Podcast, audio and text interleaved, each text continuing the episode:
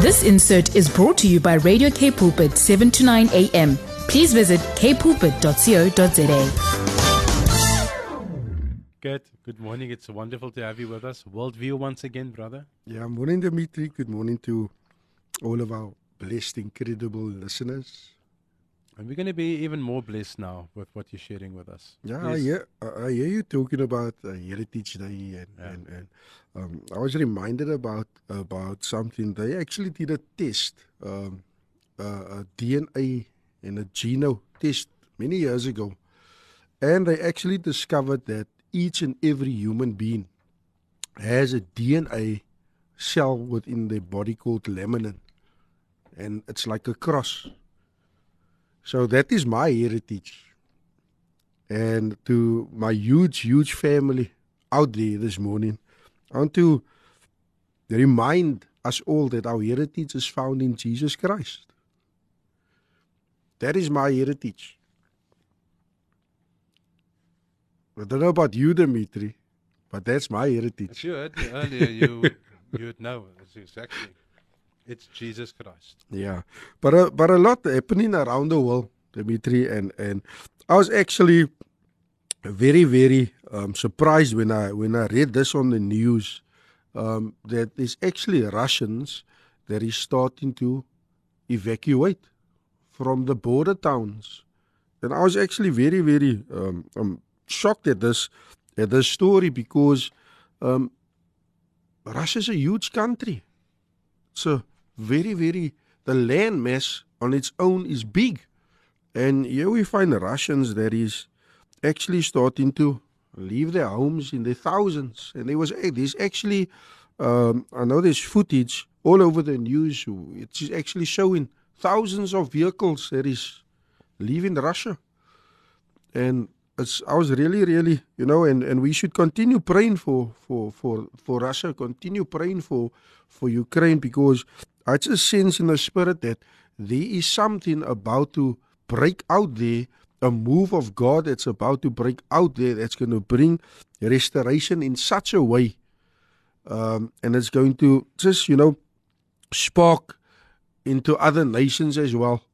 So let's let's keep Russia and Ukraine uh, in prayer, and and obviously the Queen's passing. Still a lot of talk about that, and uh, Japan, one of the last countries that is finally starting to ease up um, or the COVID restrictions, and then back home, all over the news and social media, and it's actually become a very sensitive issue, Dimitri, load shedding. Yeah. Load shedding. Everyone um, in South Africa in so much doubt and uncertainty with regards to the load shedding. And you know, people are saying a lot of things, and you're hearing a lot of things. And um, when I was praying about about these things, I realized something that the world is actually in a very sensitive state. A very, very sensitive state. And I think uh, Pastor Stan even mentioned it uh, this morning when he said that he's been praying about, and God actually, uh, you know, showed him that we're moving into the end times, and it's so true what what what Pastor Stan has been saying because we are the end time church, and we have a responsibility to prepare God's people. We need to we need to go out. We need to preach repentance. We need to see God's people getting saved. We need to speak the truth to them. And that is why when I prayed about this, the Holy Spirit said these words to me. In all situations, what would Jesus do? In all situations, Dimitri, in your life, what would Jesus do? And I was sitting and, and I was thinking about this, and I realized that this is actually a mindset shift. Because sometimes you find yourself in a situation and you find yourself getting stuck, thinking there's no way out, and you know, no one's going to help you. But in that situation, if you can only ask yourself, what would Jesus do? In 1 Peter 2, verse 21, it says that to this you were called because Christ suffered for you, leaving a, an example that you should follow in his steps. that you should follow in his steps. Look at all the persecution Jesus went through.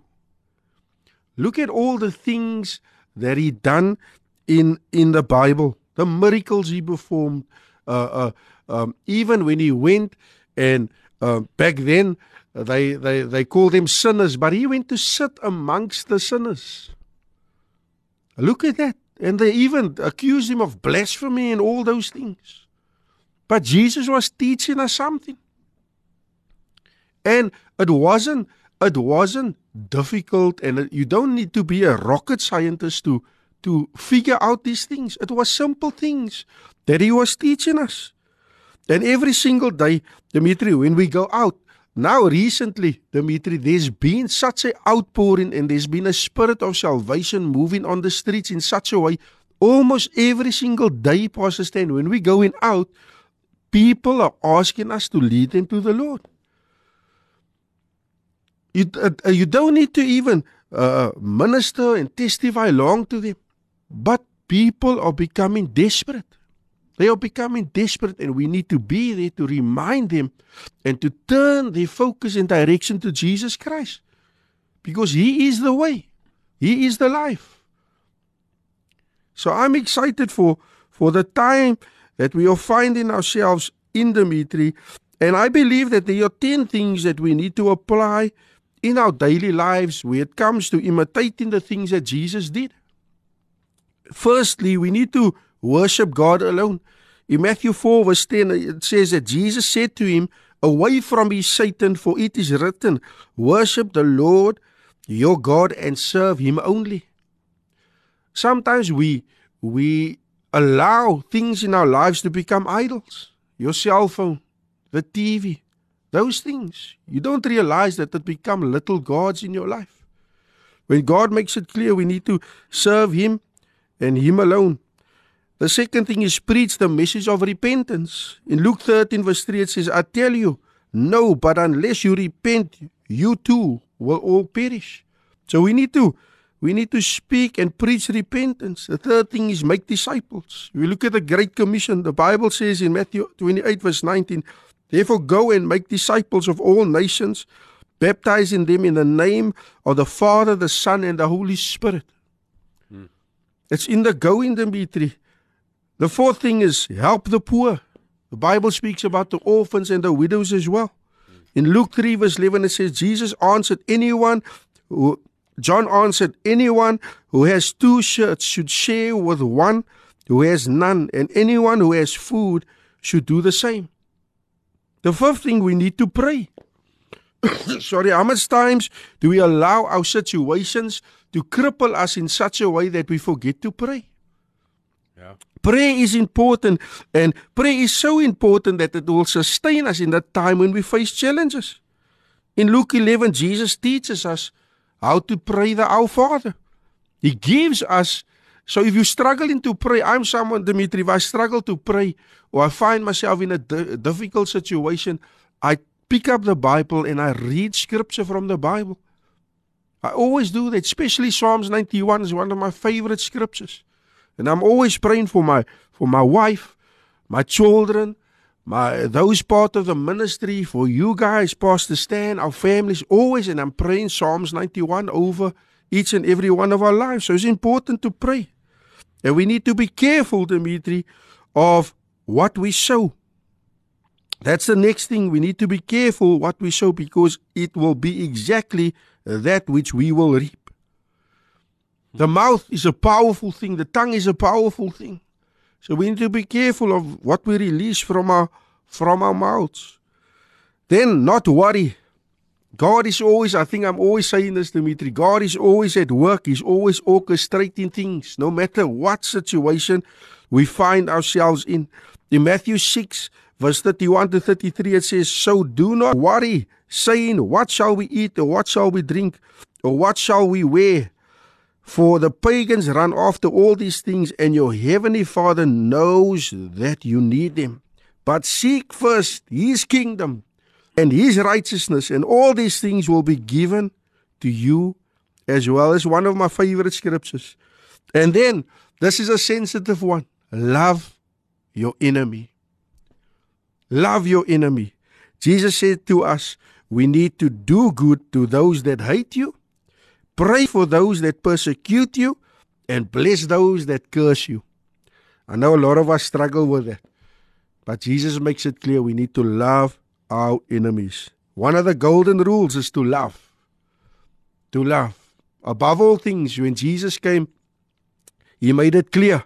Above all things, we need to love unconditionally. And the Bible says we must love our neighbor as we love ourselves. And lastly, to our listeners, honor your father and your mother. The Bible says when we honor our father and our mother, it will be well with us, and so that we may live long upon the earth. I never realized, Dimitri, when my parents were alive, I got to, I got to honor them. The last few years they were alive, I strive towards doing that. And today I actually see, Dimitri, the blessings of that. Today we see the fruits of those things.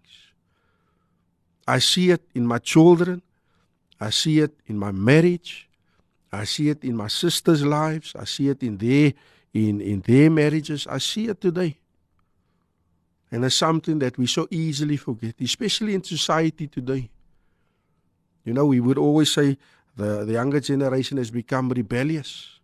But if only we can help them get back to that place of honor. And I believe, Dimitri, this 10 steps will help us to get back to that place of doing what God requires from us. So God bless you, Dimitri, hmm. and to all of our listeners, have a blessed, blessed weekend. Sure. This insert was brought to you by Radio K Pulpit, 7 to 9 a.m. Please visit kpulpit.co.za.